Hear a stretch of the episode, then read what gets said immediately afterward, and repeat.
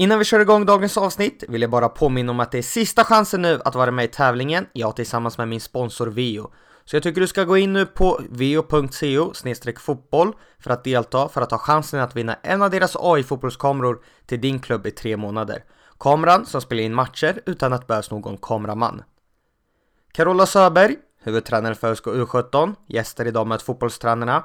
Hon berättar om sina tankar på att bli tränare under sin aktiva karriär, vilka tränare som har inspirerat henne, ifall hon tycker det är viktigt med en spelidé på ungdomsnivå, hur mycket fokus hon lägger på resultat, på vilket sätt hon arbetar med individuell utveckling, vilka utmaningar som finns som U17-tränare, om hur hon jobbar med psykologi och gruppen och mycket annat.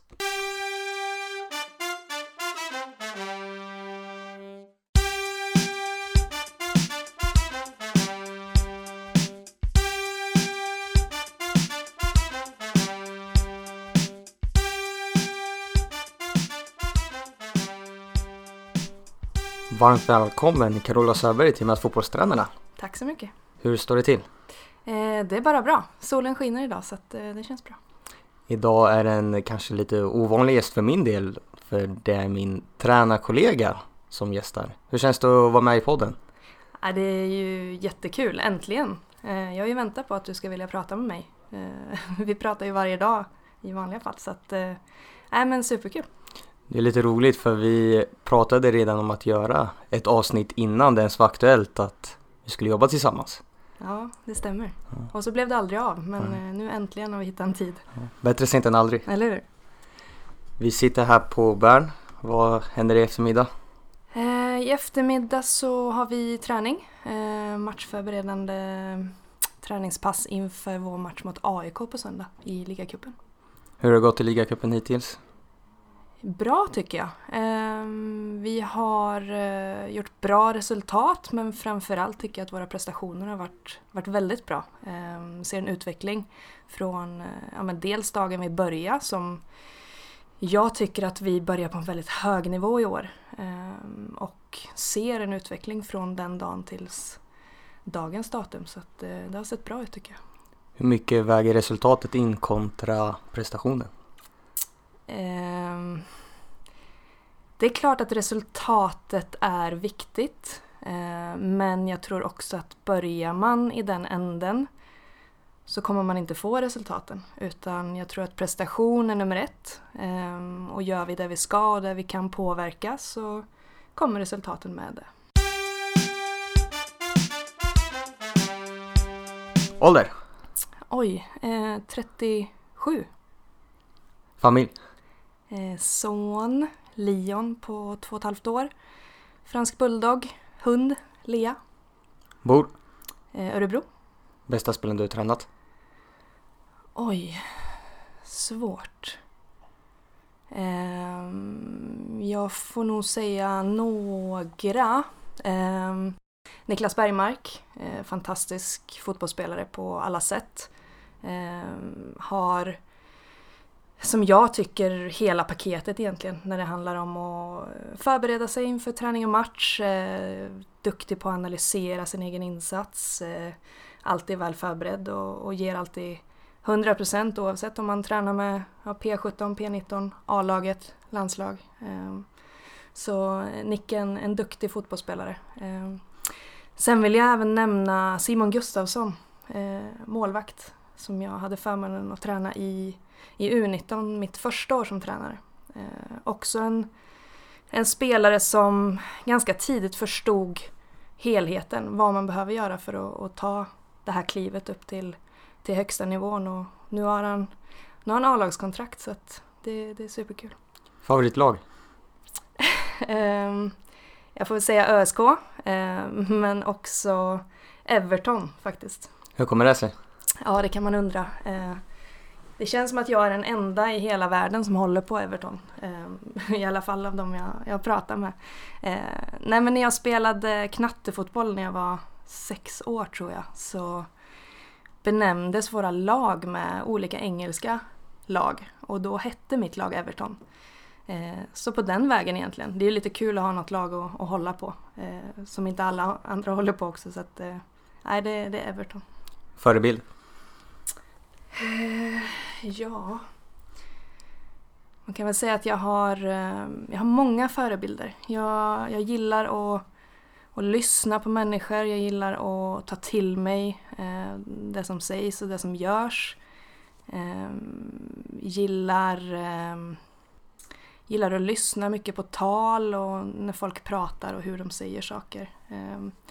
Specifika personer så Simon Sinek tycker jag är en jätteduktig ledare som pratar mycket ledarskap. Ehm, sen så när det kommer till, eh, om man ska dra parallellen fotbollstränare så hade jag förmånen att ha två jättebra tränare i, i Mallbacken ett år. Eh, Peter Wemberg eh, som nu är förbundskapten och Mikael Fahlén som jobbar mycket med ledarskap nu och som har varit eh, tränare på, på hög nivå. Eh, så man kan väl säga att de två har präglat mig väldigt mycket i, i mitt ledarskap och hur jag är som tränare.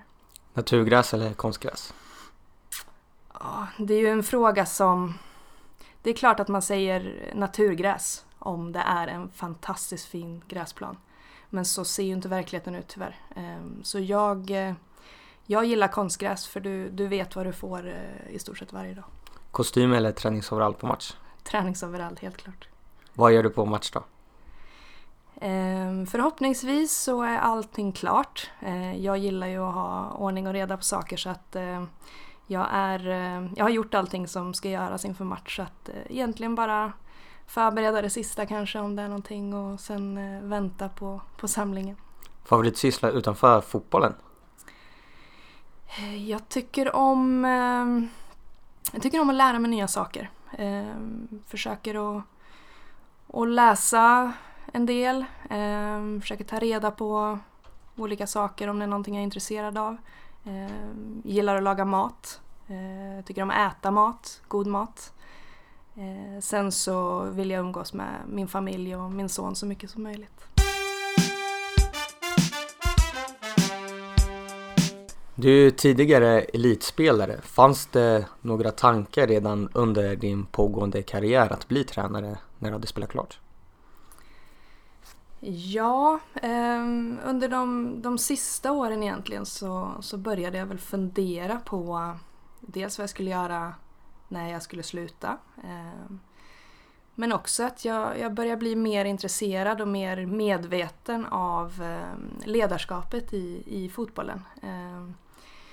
Framförallt när man, när man spelar själv och eh, egentligen hur, hur får man alla att jobba åt samma mål? Hur får jag dem framför mig, i och med att jag var målvakt? Eh, att göra som jag vill egentligen. Hur, hur behöver jag säga saker? Hur, på vilket sätt når jag eh, mina lagkamrater? Och hur får man de andra att prestera bättre? Eh, vilket också gör att vi presterar bättre tillsammans. Så att jag tror att de, de sista åren så började jag fundera på ledarskap eh, och började redan då eh, gå utbildningar Eh, första utbildningen jag gick var eh, baselit ehm, som nu heter CBA.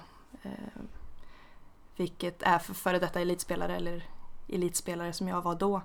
Ehm, gick den under tiden jag spelade och sen så läste jag även målvaktsutbildning C och B så jag, jag började utbilda mig under tiden jag spelade faktiskt. Hur var det att gå de här utbildningarna parallellt med att spela det var intressant. Ehm, jag...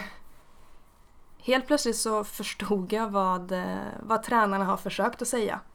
Ehm, och det handlar kanske inte om att tränarna inte har, har varit bra men snarare att jag kanske inte har varit mottaglig för vad de har sagt. Eh, och jag tror att det är någonting som, som jag har med mig idag som tränare och ledare att eh, man behöver prata så att, så att alla förstår. Eh, och kanske prata på olika sätt.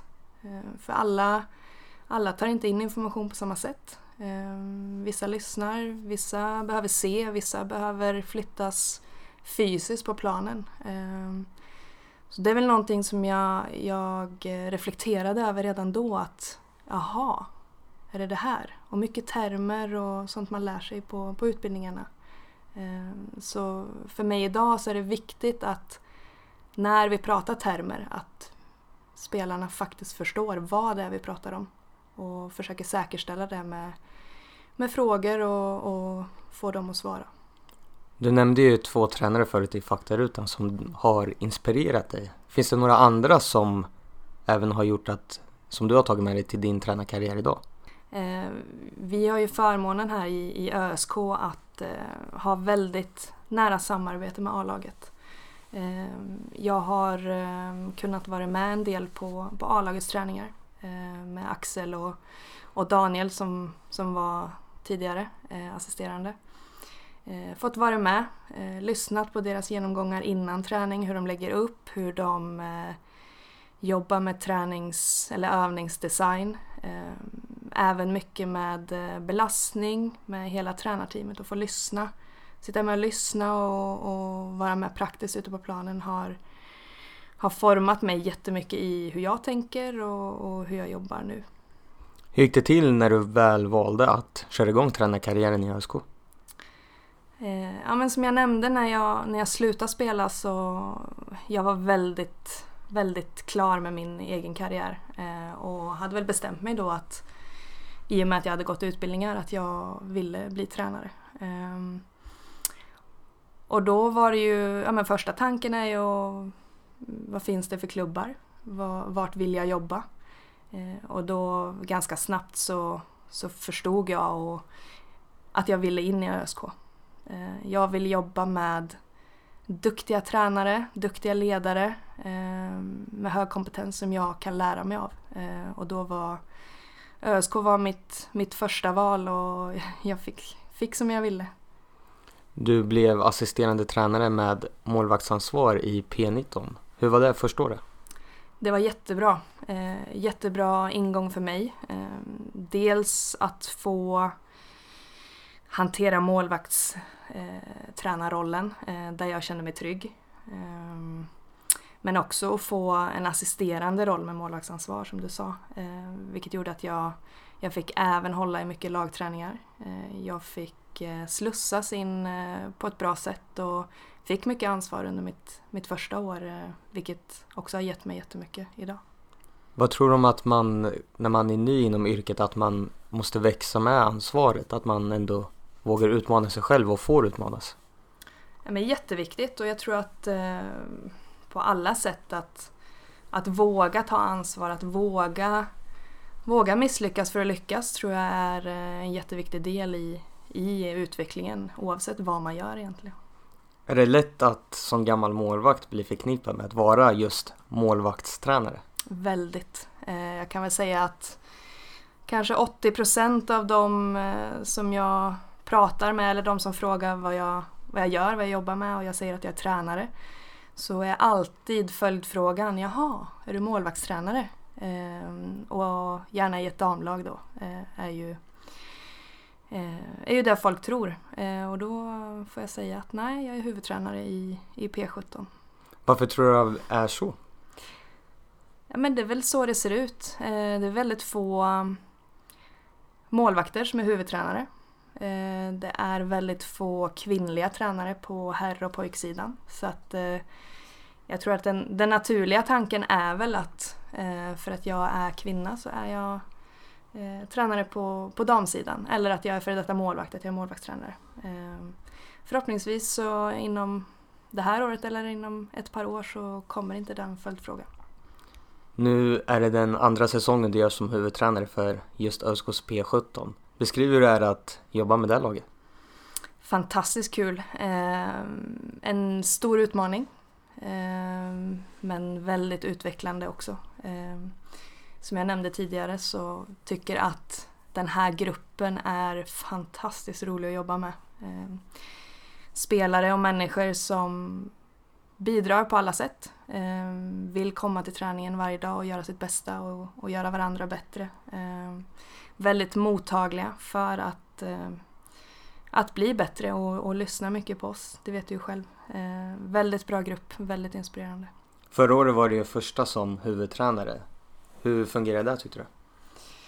Eh, det var mycket nytt förra året. Eh, blev också klart ganska sent att jag skulle vara huvudtränare eh, för det laget, för P17 då förra året. Vilket också gjorde att jag fick Ehm, fick, eh, inte vara med från början egentligen och sätta struktur och hur jag ville jobba och planering och så vidare. Ehm, plus att jag var helt ny. Så jag hade ju egentligen ingen erfarenhet eller kunskap kring hur jag ville jobba. Ehm, så jämförelsen från förra året tills i år är jättestor tycker jag. Dels att man får jobba mer långsiktigt. Eh, Har många spelare som var med redan förra året så att det gör ju också att vi kan börja på en helt annan nivå i år. Ehm, de spelarna som var med mycket i P17 förra året har eh, ett jättestort ansvar i år och hjälpa till och utveckla laget och gruppen och jobba på det som vi vill jobba med. Hur har det sett ut i ÖSK, du som har varit här längre än mig, med att ha samma spelidé som A-laget i akademin? Vi är väl inte styrda på det sättet. Eh, snarare att vi vill jobba med eh, principerna i stort så att det, det följer någon form av, av riktlinje. Eh, sen så är vi ganska fria i att hitta våran modell i att utveckla våran grupp och våra spelare på, på bästa sätt men självklart finns det en ehm, en gemensam riktlinje med hur vi vill jobba. Eh, men om vi pratar formation eller utgångspositioner så skiljer det sig väldigt mycket i, i P16, P17 och P19. Eh, vilket jag också tror är en fördel att eh, spelarna får, får lära sig olika, olika roller, olika utgångspositioner och en del olika principer. Tycker du det är bra att man har en trygg och en ganska tydlig spelidé även på ungdomsnivå? Ja, men jag, jag tror det. Eh, jag tror att det, det, är viktigt för spelarna att veta vad vi pratar om. Eh, när vi säger vissa saker, vad är det vi faktiskt menar? Fotboll är ju så komplext, det är så stort, det är så mycket beslut som tas hela tiden. Och har spelarna ingenting att förhålla sig till då, då tror jag att det blir jättesvårt. Så att eh, en, en tydlig spelidé och, och varför vi gör som vi gör tror jag är jätteviktigt. Den här frågan var vi lite innan lite inne på innan, men hur mycket fokus lägger du på resultat? Men som jag sa, det, det, det får inte vara nummer ett i, ehm, i vår akademi eller i, i vårt lag. Eh, så länge det handlar om, som grunden för oss är ju att utveckla människor och fotbollsspelare. Eh, vi vill ju fostra spelare till vårt A-lag. Eh, och skulle vi spela efter resultat så skulle vi kanske spela på ett annat sätt. Eh, vi kanske skulle minimera risken mycket mer än vad vi gör i speluppbyggnad till exempel. Eh, nu vill ju jag och vi att våra spelare ska få misslyckas för att lära sig av det och sen eh, lyckas eh, mer långsiktigt. Jag tror att resultat är väldigt kortsiktigt och prestation är mycket mer långsiktigt. Hur vill du utveckla spelare för att de ska slussas upp till A-laget? Jag tror att det är viktigt att, eh, att ge spelarna verktyg eh, till att förstå hur viktig helheten är. Eh, ska du bli elitspelare på högsta nivå så gäller det att du får ihop alla delar. Eh, det räcker inte att du kan slå passningar bra. Eh, det handlar väldigt mycket om att ta beslut. Det handlar mycket om att förstå ytor, förstå tid, förstå relationerna till varann. Ehm, men också lära sig eh, återhämtning. Eh, vad är viktigt att jag gör dagen efter match? Det är viktigt vad jag äter, vad jag dricker, hur mycket jag sover. Eh, och kanske också en av de viktigaste delarna egentligen som vi pratar väldigt lite om, den mentala biten. Eh, hur hanterar jag eh, en prestation som kanske inte, kanske inte har gått så bra? Vad gör jag nästa dag? Eh, att, att få ihop alla delar tror jag är det absolut viktigaste för att bli en elitspelare. Hur ser en typisk Carola-träning ut? Oj, Carola-träning. Um, man kan väl säga att i, i grund och botten så handlar det mycket om att bygga träningar där spelarna får ta beslut. Um, oavsett egentligen vad det är för övningar, vad vi vill jobba med för skeden, så i grund och botten eh, beslutsfattande. På vilket sätt skulle du säga att du jobbar med individuell utveckling i lagträning eller är det någonting man missar för mycket? Jag kan väl säga att det är någonting som jag önskar att vi kunde göra mer. Ehm, Många av våra spelare går ju NIU och har skolfotboll där de får jobba mycket individuellt. Eh, hade man haft mer tid, som man gärna har som tränare, eh, så tror jag att vi hade lagt mycket mer eh, tid på den individuella delen. Men vi jobbar ju mycket med video, jobbar mycket med videoklipp, försöker att återkoppla till spelare med, med hjälp av Spideo som vi använder i stort sett varje dag. Så mycket, mycket individuell coachning i form av video, återkoppla, men även ute på plan såklart i, i situationer, eller efter situationer ska jag säga. Eh, kan prata om saker som händer ute på plan. Så man kanske kan väga upp med det här att man istället för att stå isolerat och jobba med en, två spelare att vara mer coacha mer mot individen för att det ska bli mer individuellt i kollektivet. Ja, precis. Eh, så kan man säga. Vilken ledarstil skulle du säga att du har? Jag tror att jag har en ledarstil som handlar mycket om att få spelarna att växa. Ehm, att ta ansvar. Ehm, att driva sin egen utveckling.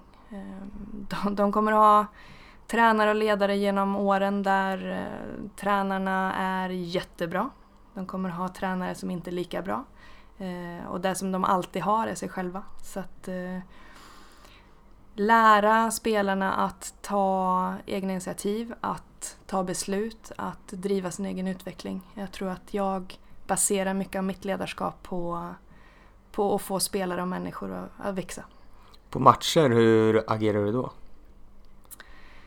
Jag är väl den coachen som eh, skriker väldigt lite i situationer. Um, återigen, jag tror att det absolut viktigaste är att spelarna själva tar beslut. Eh, jätteviktigt för utvecklingen att eh, utifrån hur vi vill spela och det som vi jobbar med i stort sett varje dag, att de själva känner igen sig ute på plan. Att de själva känner att jag får ta det här beslutet. Eh, blir det fel eller om man tycker att man misslyckas, då jag applåderar det hellre. Eh, för då har du försökt och förhoppningsvis så, så lär vi oss någonting av det istället för att en spelare springer runt och gömmer sig och är, är rädd för att, att ta egna beslut eller rädd för att hämta bollen i, i speluppbyggnaden. Så att hämta hellre bollen en gång för mycket och tappa den en gång för mycket eh, och så lär vi oss av det. Du pratade i ÖSK-podden lite om prestationsångest och är det något som du har arbetat mycket med hos killarna i laget? Vi pratar en hel del om det. Eh, jag tror att nummer ett är att prata om det. Ehm, prestationsångest som jag själv hade när jag spelade handlar mycket om att jag ville alltid göra rätt. Jag ville aldrig göra misstag, vilket också jag tror hämmade mig. Eh, när jag hade tränare och ledare som jag visste eh, trodde på mig, då kände jag mig trygg och då vågade jag ta beslut. Jag vågade eh, prestera eh, på en helt annan nivå. Så att eh, jag tror också att det speglar lite av den, den jag är som ledare, att jag vill försöka dels prata om det, eh, lära spelarna att eh, det kommer att hända saker ute på plan som ni måste kunna hantera. Man pratar ju alltid om, om att göra nästa aktion så bra som möjligt, att lära sig hantera känslor. Jag tror inte att du kan inte stänga av känslor. Är du nervös? Ehm, du kan inte tänka bort nervositeten utan hur hanterar jag nervositeten? Hur kan jag ändå prestera fastän att jag har de här känslorna inom mig? Ehm, så vi, vi pratar mycket om det. Som eh, P17-spelare vet jag själv hur det kunde vara att om man var, gjorde en bra match så kände man att nu kan jag gå hur långt som helst och sen nästa match var man jättedålig och ville sluta på fotboll. Mm. Hur viktigt är det ändå att man lyfter upp sådana här saker och pratar om beteende och för att stärka varandra? Mm, jätteviktigt. Eh, precis som du säger, det kan ju vara man kan vara världsmästare ena dagen och sen nästa dag är man inte värd någonting. Eh, och det, det, det är ju också mycket eh, kopplat till självkänsla. Vem är jag som person utanför planen? Fotbollen är inte allt. Och du är inte din fotboll, du är inte din prestation. Så, så jätteviktigt att ha en nyanserad bild av vad man gör ute på planen. Att eh, du kommer aldrig spela 100 matcher och vara 100% i alla de matcherna. Det kommer inte hända.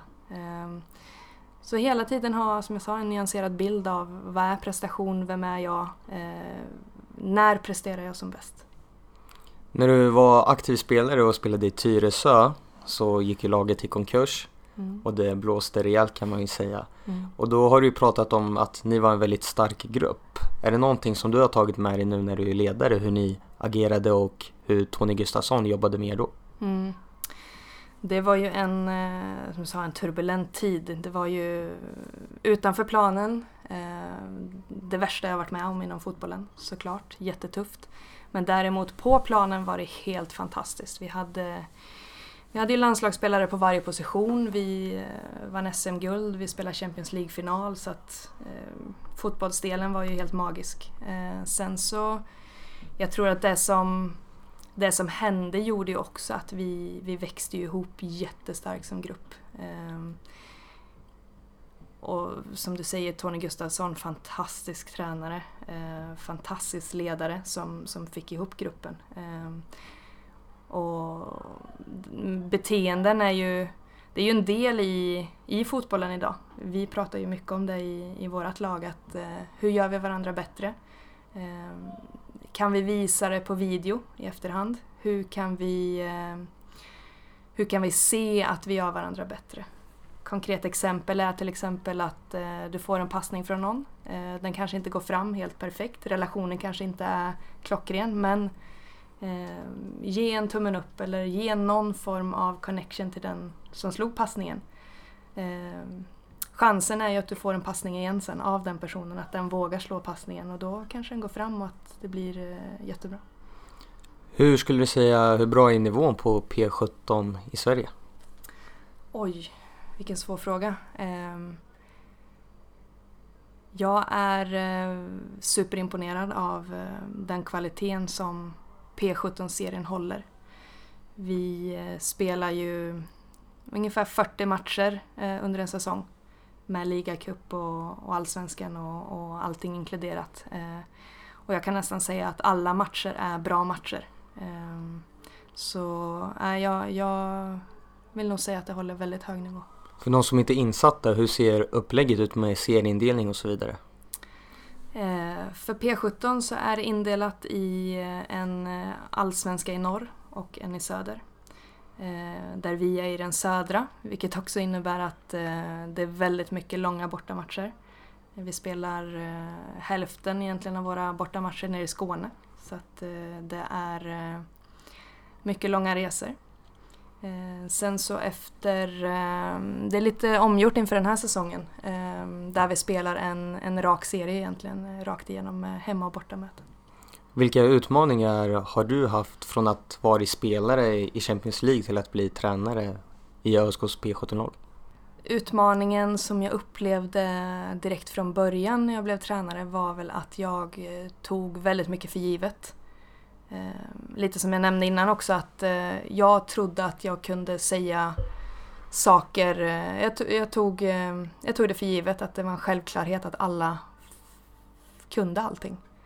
Eh, vilket det inte är. Och det, var ju, det låg ju på mig att jag eh, inte hade erfarenhet av tränarskapet. Eh, men sen vill jag nog säga att, att fördelarna är desto fler än, än utmaningarna. Just att jag har varit i situationen, jag vet vad som krävs för att bli eh, elitspelare på, på högsta nivå. Jag vet hur mycket tid man behöver lägga ner. Eh, jag vet vad som försiggår i, i skallen när man spelar. Eh, så jag tror att just den igenkänningen att ha varit där ute tror jag är en jättefördel när man, när man är tränare. Hur tycker du det är att inte vara heltidsanställd men jobba som att man är heltidsanställd fotbollstränare?